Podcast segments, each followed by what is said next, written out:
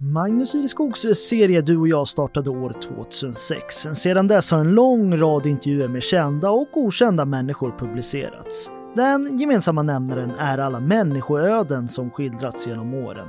För första gången släpps nu några av de här intervjuerna i poddformat inlästa av Magnus Ireskog själv.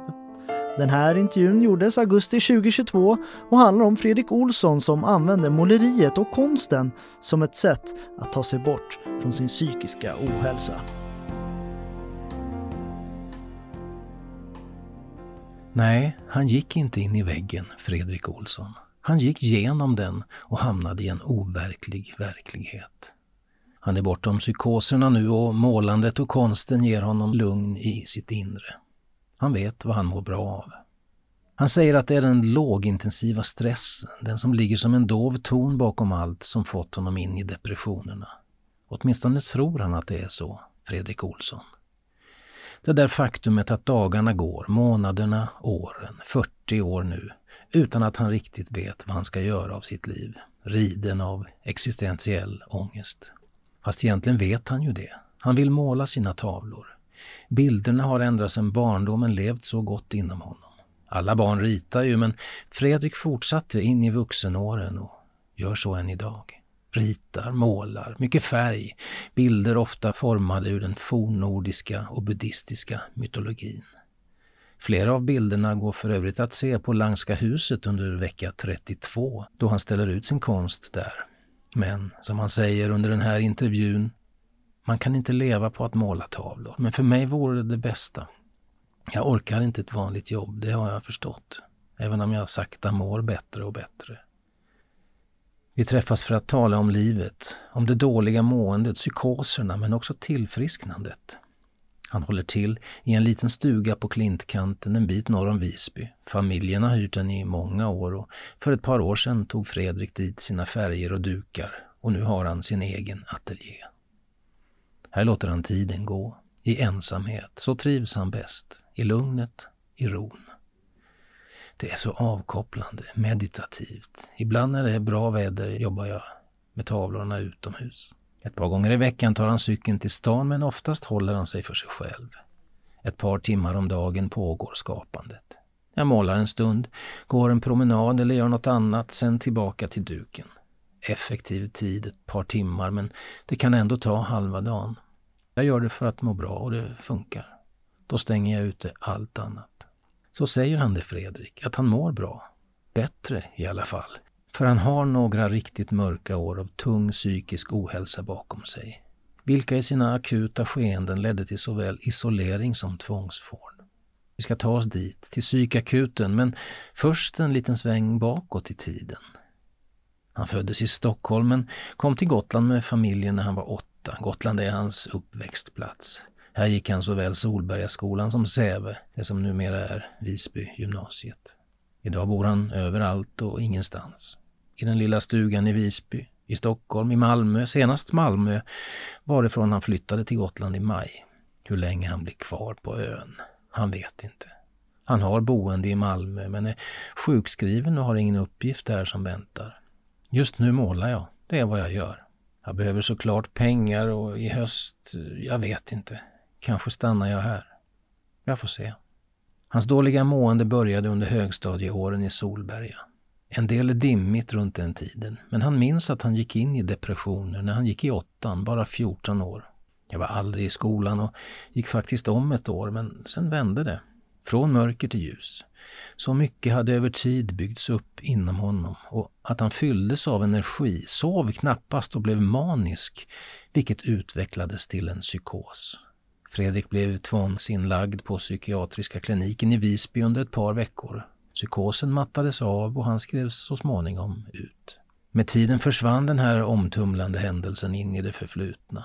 Han tog studenten 2001, flyttade sen till Stockholm, jobbade inom vård och omsorg och gav verkligen så småningom måleriet chansen.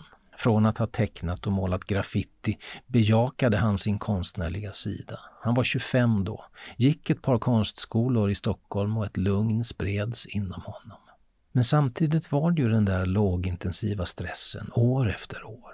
Det var omsorgsjobbet som drog in pengarna, men han säger att det slet inom honom att göra något han egentligen inte ville göra.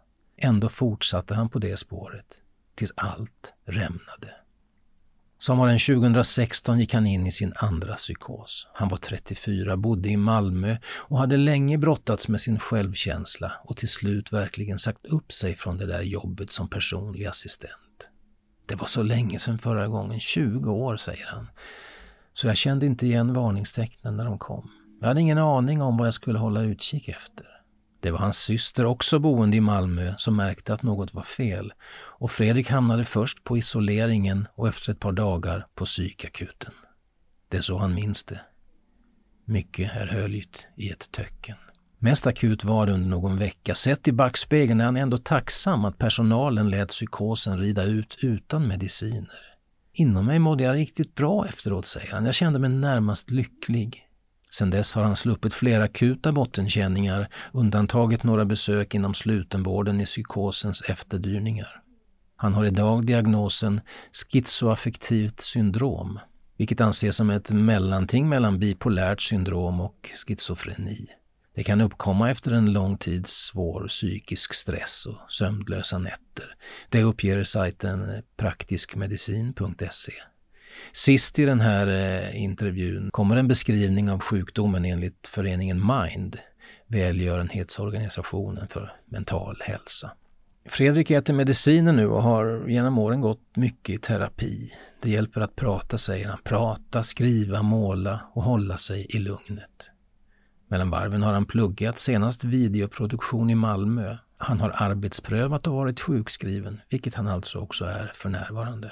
Terapin har hjälpt mig att bli medveten om mig själv, säger han. Jag pallar inte en heltid, så är det bara. Jag kan såklart inte undvika all stress i livet, men jag vet vad jag mår bra av och vad jag inte mår bra av. Men du, för oss som inte haft en psykos, hur ser det ut där inne? Vi sitter i den lilla stugan. En säng, en soffa, ett litet bord och där utanför sensommargrönska, himlen och det böljande havet. Han fingrar på en snusdosa och säger Först kommer den maniska fasen med gott självförtroende och massor av energi. Jag kan allt, vet hur allt hänger ihop. Då finns inga hinder. Därefter, säger han, kommer vanföreställningarna. Surrealistiska tankar som växer till verklighet och till sist, som i isoleringscellen, jag visste inte vad jag var. Visste inte vem jag var. Inte så att jag trodde mig vara någon annan, men det logiska tänkandet är mer eller mindre borta. Jag var som på ett annat plan. Jag kan inte förklara det på något annat sätt. Sex år sedan senast, Fredrik, är du rädd att hamna där igen? Nej, dels har jag mediciner nu och dels har jag bra kontakt med vården, med familj och vänner. Jag känner varningssignalerna och de omkring mig skulle också märka om något var på gång. Fredrik är knappast ensam om att ha psykiska besvär, även om just det faktumet hjälper honom föga. Men sedan mitten av 1980-talet har andelen unga som uppger att de har återkommande psykosomatiska symptom fördubblats. Och nästan hälften av 15-åringarna har denna typ av besvär. Detta enligt uppgifter från Folkhälsomyndigheten. Statistik för år 2000 visar att 7,3 procent av tjejerna och 5,5 procent av killarna i åldern 18 till 29 år då fick psykiatrisk vård. Något lägre är procentsatserna för åldersgruppen 30 till 44 år. I en rapport pekas bland annat på att brister i skolans funktion och förändringar på arbetsmarknaden med allt högre krav på utbildning och kompetens kan ha haft betydelse för ökningen. Hur som helst är det en verklighet som många familjer har nära sig. Dock är det inte längre tabu att prata om och av den anledningen väljer Fredrik Olsson att ställa upp på den här intervjun. Han har lärt sig att inte förtränga, säger han. Han kollar av läget med sig själv varje dag, letar efter ovälkomna tecken. Han känner att orken inte är densamma som förr. Ibland har han svårt att komma ur sängen på morgonen och de enklaste saker kan ta tid. Ja, det låter som de tecknen man hör kring gå in i väggen-depressioner.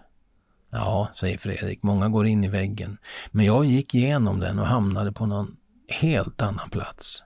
Som där i isoleringen. Jag vet inte riktigt var jag hamnade, säger han och undslipper sig ett skratt. Att läget är som det är då? Har du kunnat acceptera det? Bättre och bättre, tycker jag. Orken kommer inte att komma tillbaka, det tror jag inte i alla fall. Och i höstas när jag pluggade var jag helt slut på helgerna. Först var jag ledsen, men nu det, ja, det är som det är. Allting har givit insikten om vad som är viktigt i livet.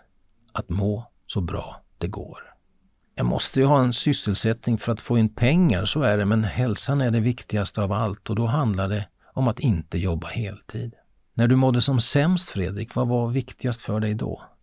Att känna stödet från familj och vänner, att ha dem att luta sig mot. Jag är så oerhört tacksam för att jag hade och har dem omkring mig. På lördagen inför vecka 32 detta år 2022 har alltså Fredrik Olsson vernissage på Langska huset i Visby. 22 tavlor visas i hans första utställning på nära 10 år. När vi ses för den här intervjun är det ännu några dagar dit. Lite spänt är det, en positiv stress. Jag målar för min egen skull men det ska bli kul att visa vad jag gör. Och det vore förstås roligt om andra tycker om det. Det allra mesta är skapat under sommaren. Bara fem av tavlorna är gjorda tidigare. Det är färgrika explosioner. Det har varit hans stil från första början. Spray, akrylpennor, massor av dukar i den lilla ateljén, färdiga verk och nyss påbörjade. Ofta har han musik på. Högt och hårt. Sånt som matchar motiven, vilka han hämtar från tidigare nämnda mytologier. Musiken är viktig, säger han. Musiken och ensamheten. Det gör att idéerna får fart. Till sist alltså beskrivningen av schizoaffektivt syndrom hämtad från sajten mind.se, välgörenhetsorganisationen för mental hälsa. Så här står det. Kan uppfattas som en mellanform av schizofreni och bipolärt syndrom. Sjukdomsförloppet är ofta periodiskt, som vid ett bipolärt syndrom, med friska perioder däremellan. Sjukdomen har symptom som nedstämdhet eller sjuklig upprymdhet och ofta svår ångest. Även symptom som bizarra vanföreställningar och hallucinationer. De dramatiska symptomen gör att medicinsk behandling och sjukhusvård ofta är nödvändig, åtminstone under kortare perioder. Perioderna av sjukdom kan vara långvariga och pågå i månader, men medicinering brukar hjälpa. Det kan också minska risken för nya sjukdomsepisoder så att personer kan fortsätta leva ett normalt liv. Ja, gillar du också Magnus Ireskogs intervjuserie Du och jag så finner du fler avsnitt på helagotland.se under poddar och program.